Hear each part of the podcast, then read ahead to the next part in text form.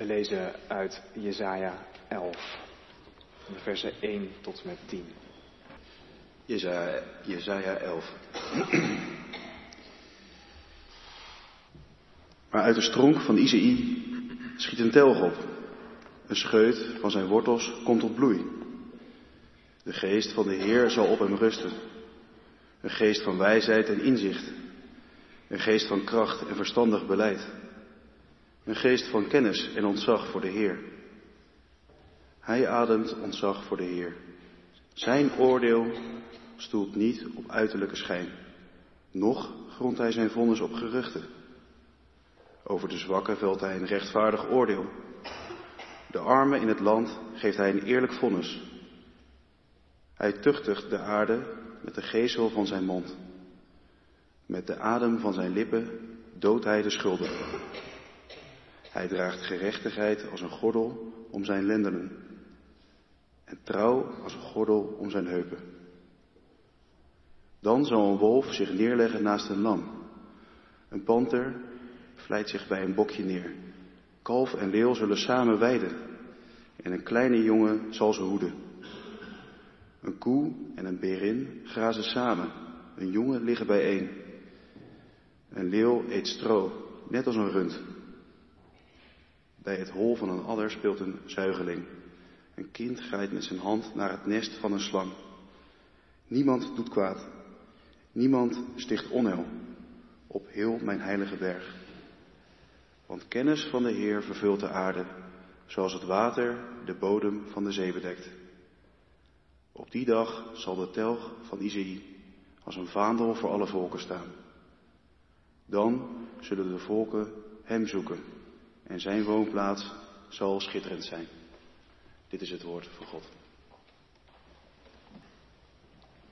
Gemeente van Jezus Christus, broeders en zusters. Wij zijn de mensen die e-mails versturen. Wij zijn de mensen die beleidsplannen schrijven. Die speerpunten opstellen, evaluaties invullen, dossiers inlezen, aan projecten werken en vergaderen. We hebben supervisors en stagiairs. En altijd weer e-mails. We beantwoorden ze. We sturen ze door. En we verwijderen ze. En je kunt het allemaal op de automatische piloot. Ik denk dat e-mail wel typerend is voor de tijd waarin we leven. Dat, dat geestdodende ervan. Nou, misschien mailt u helemaal niet zoveel, maar de tv kan even goed geestdodend zijn. Of het nu uh, een ouderwetse televisie is of online op je telefoon. Of het s'avonds aangaat of ook al s ochtends aanstaat, omdat je de tijd wil doden. Of omdat je bang bent voor de stilte. Je kijkt maar en je luistert maar. Tot je aan het eind van de dag moe en ook een beetje leeg naar bed gaat. En dan wordt het straks weer maandagmorgen. En dan begint het weer opnieuw. Dan wachten de e-mails weer voor velen over beleidsplannen en projecten. En iedereen even inlichten, even doorsturen. En we beantwoorden en we ontvangen en we verwijderen. Ja, zo, zo kan ons leven eruit zien. Als een misschien wat kleurloos leven soms. De sleur, het monotone. Ook dat je soms denkt, waar ben ik eigenlijk mee bezig de hele week? Dat je wat vervreemdt van jezelf. En natuurlijk roept elk magazine in de winkel dat je je hart moet volgen. Dat je moet doen waar je energie van krijgt. En je zou wel willen, maar ja, dat is ook niet zo eenvoudig. Je leven ligt soms ook wel vast in, in patronen waar je niet uitkomt. En, en wat als je je hart zou volgen, weet je dan wat je eigenlijk zou willen, waar je energie van krijgt? Dat is allemaal niet zo duidelijk zomaar, toch? Dus ga je maar gewoon door vaak op de automatische piloot. Monotoon, maar, maar wel betrouwbaar. Een beetje saai misschien, maar wel nauwkeurig. Je antwoordt, je stuurt door en je verwijdert. En dan komen we op zondag in de kerk. En hier is geen systeemplafond, maar een gewelf met mooie bogen en mooie ramen. En er branden kaarsen vanmorgen. Het is advent. En hier zijn even geen mails om, om te sturen en te ontvangen. Maar hier zingen we samen liederen. En we spreken een ander soort taal. We lazen zojuist, David deed dat, over een prachtig visioen van de profeet Jezaja. Een soort droom. Een vergezicht over een wolf die zich naast een lam neerlegt. Prachtige beelden, die, die juist duidelijk de, de bedoeling hebben om ons verlangen te wekken, om ons hart aan te spreken. Om dat geestdodende misschien ook wel te doorbreken. Dat, dat visioen trekt ons uit die kleine wereld van onze schermen en onze kleine gedachtenwereldjes. De cirkeltjes waarin we denken over God en over onszelf en over elkaar. En de blik gaat richting Gods toekomst. Ik denk dat dat vooral is wat een kerkdienst wil doen. Behalve dat we God hier ontmoeten in onze, onze gebeden en, en door te zingen, is de kerk op zondag als het ware een soort uitkijktoren die we met elkaar beklimmen. En, en dan kijken we over alle kleine dingen heen naar Gods verre toekomst. We stappen uit onze dagelijkse werkelijkheid en dan opent zich een vergezicht.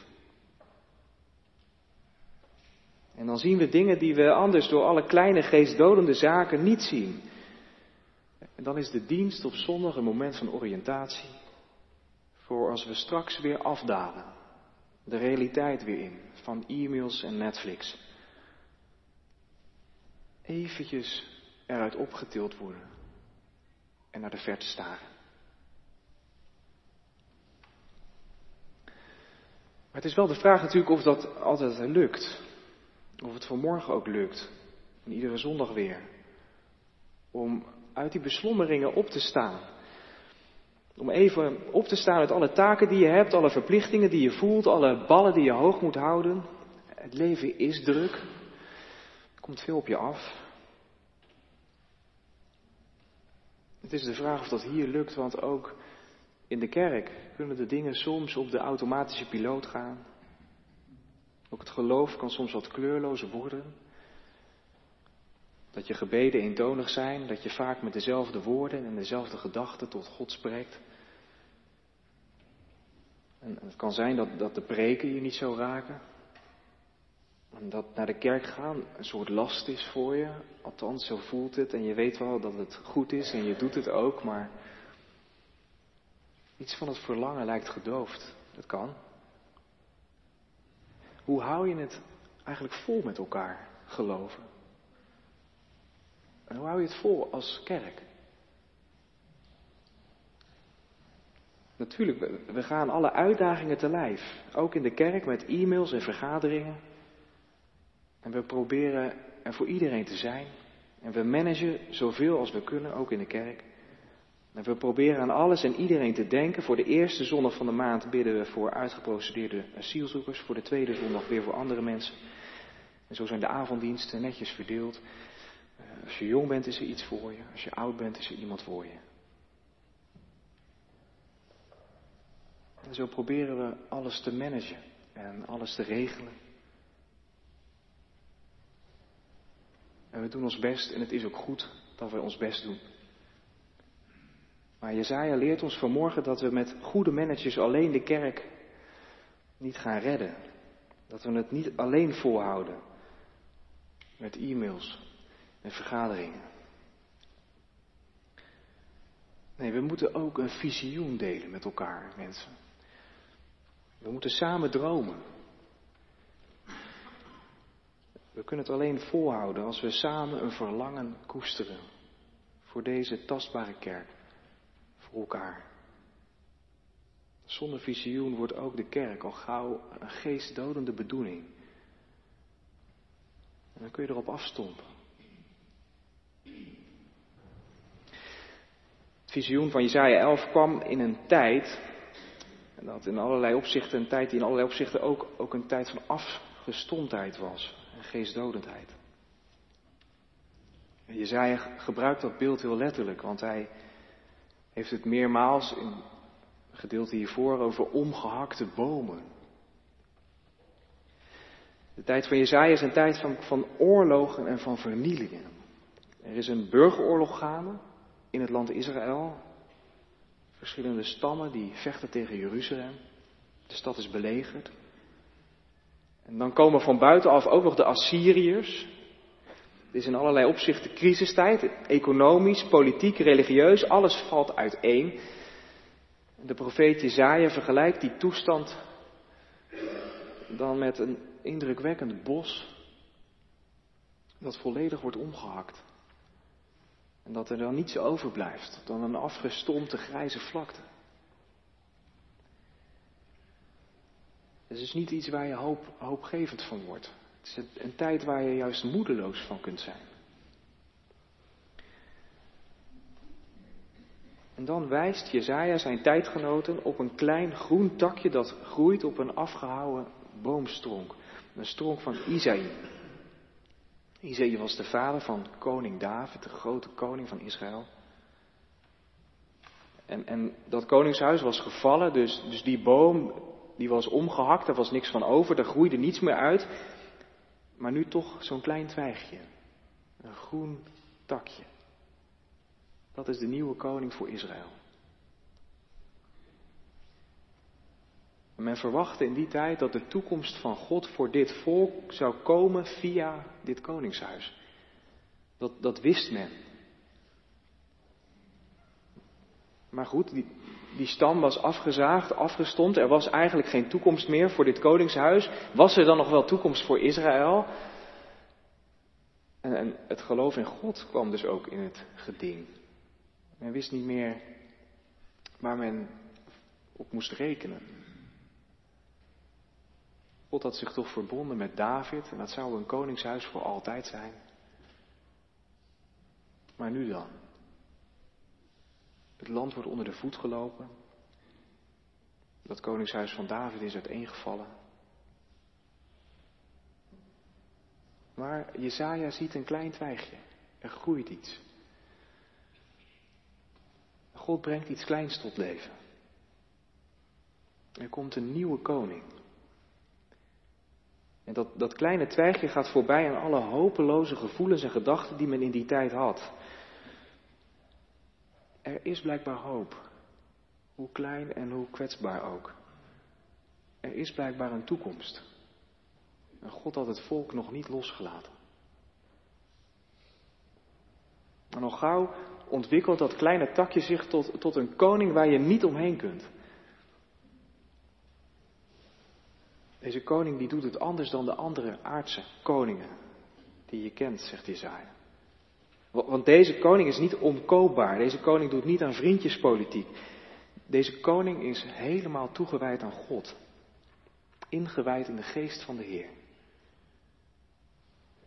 En het is wel zo dat, dat verschillende zintuigen van, van deze koning ook helemaal gevuld zijn met, met God. Zijn adem, zijn reuk, dat is ontzag voor de Heer. En zijn oordeel is niet gebaseerd op wat voor de ogen te zien is. En zijn uitspraken, want een koning moet recht spreken, zijn niet gebaseerd op wat de oren zo direct hebben opgevangen. Nee, het gaat over de werkelijkheid van God in al die dingen. De Messias is niet onder de indruk van de veelheid van geluiden in de wereld, van het stormen van de tijd, van boze geruchten en van dreigementen. Deze koning laat zich leiden door de weg van God. En bij deze koning zijn de zwakken en de armen in goede handen. En hij neemt ze als het ware mee in zijn beweging naar die toekomst van God. En dat onaantastbare van deze koning vind ik prachtig. Dat hij zich niet van de wijs laat brengen. En dat hij onverstoorbaar doorgroeit richting God en richting zijn toekomst. Dan gaat de tekst verder in vers 4. En staat dat deze koning de aarde tuchtigt met de gezel van zijn mond. Nou, ik zou zeggen dat dat betekent dat deze koning echt machtig is. Hij heeft aan een woord genoeg. Hij hoeft geen geweld te gebruiken om zijn macht uit te oefenen. Maar met de adem van zijn lippen doodt hij de schuldige. Je zou kunnen zeggen, met zijn stem maakt hij de schuldige mond dood. Dus deze koning, als hij gaat spreken, dan, dan zakken de schuldige mensen door de grond. Dan hebben ze geen voet meer om op te staan. Hij hoeft niet te dreigen, maar zijn woord is genoeg. Dat is een teken dat hij echt machtig is. Ja, dus slechte mensen moeten op hun hoede zijn bij deze koning. En dat krijg je als gerechtigheid je op het lijf geschreven is. Want hij draagt gerechtigheid als een gordel om zijn lendenen, staat er. En ik begreep dat het woord dat hier voor gordel wordt gebruikt eigenlijk onderkleed betekent. dus dat is in de tijd van Jezaja datgene wat, wat je als laatste uittrekt voor je naar bed gaat en wat je als eerste weer aantrekt als je opstaat. Gerechtigheid is voor deze koning dus niet een speltje dat je even opdoet als het je goed uitkomt. Een gerechtigheid, dat is alles waar hij mee begint en waarmee hij mee eindigt. Dat speltje van minister Helder, dat hebben we misschien wel meegekregen. Dat was natuurlijk zo'n compromis dat ontstaat als je te veel heen en weer mailt. Dat heeft niet zoveel met het hart te maken. Maar, deze politiek van deze koning van Jezaja, dat gaat over verlangen en over gerechtigheid.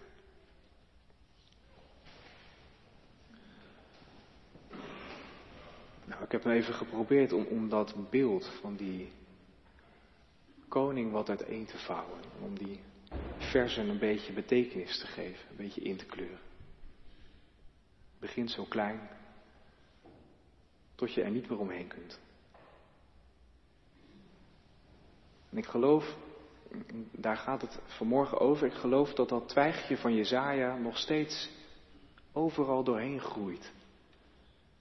Dat het zo dwars door onze geestdodende e-mails groeit. En dat het zich nergens iets van aantrekt. En dat het zegt dat Gods toekomst echt gaat komen. En dat die toekomst er niet van afhangt wat wij als mensen ervan bakken. Die toekomst komt bij God vandaan. En wij bouwen die toekomst niet, maar God laat die toekomst groeien. Kunnen er wel omheen gaan staan. En er goed op letten met elkaar. En dat doen we vanmorgen dus, denk ik.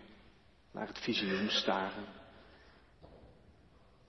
En dan lezen we die prachtige woorden over hoe de schepping eruit ziet als, als deze koning koning wordt van heel de wereld. Dan zijn wilde dieren niet langer gevaarlijk. Dan zal een wolf zich neerleggen naast een lam. En een panter bij een bokje. En een kalf en een leeuw zullen samen weiden alsof het vee allebei vee is. En een kleine jongen zal ze hoeden. Een koe en een berin grazen samen, een jongen liggen bijeen, een leeuw eet stro, net als een rund. Bij het hol van de adder speelt een zuigeling. Een kind grijpt met zijn hand naar het nest van de slang. Prachtig. En wij zouden verder kunnen dromen. Over zeeën die schoon zullen zijn. Over soorten die we kwijt zijn geraakt in de afgelopen decennia, maar die zullen herleven. Over oerwouden die omgehakt zijn, maar we zullen herrijzen. En er is niemand die kwaad doet. Niemand die onheil sticht. Want de kennis van de Heer vervult de aarde als water, de bodem van de zee. Ja, het is niet een tekst, denk ik, om heel veel nog over te zeggen. Dit is gewoon een droom. Een droom die gedroomd moet worden. Een visioen dat verlangen moet wekken. Dat is wat we hier volgens mij doen met elkaar. Dromen en zingen. Verlangen en bidden. Tussen de e-mails door. Midden in deze wereld waarin zoveel niet goed gaat. Hier voeden wij het verlangen naar de toekomst van God. En ik hoop dat wat we hier dus doen, dat dat je ook echt kan raken. Dat hier verlangen gevormd wordt. Dat je ook denkt, die toekomst, daar probeer ik aan vast te houden. En deze mensen hier, die datzelfde visioen hebben, bij die mensen wil ik horen.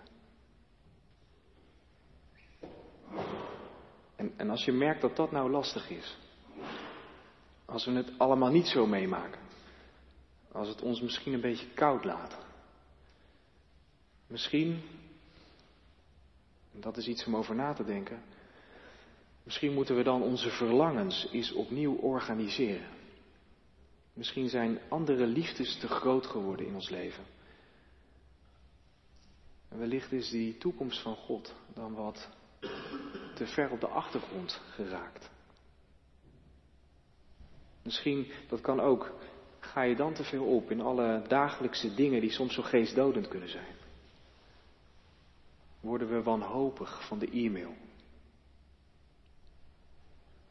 Dan laten we dan bidden, want Advent is ook een tijd van voorbereiden. Laten we dan bidden om de kracht van de geest. Voor jou. Als je het niet zo meemaakt. Voor u. Als je het niet meteen zo ziet. Laten we bidden om de kracht van de geest. Dat je dagen deze week gevuld mogen zijn met een lied voor God. Dat je gedachten vol mogen zijn met heilige dromen om te dromen voor deze wereld. Laten we bidden, verlos ons van de e-mail. En laat ons leven een gewicht hebben. Een gewicht van geloof en moed.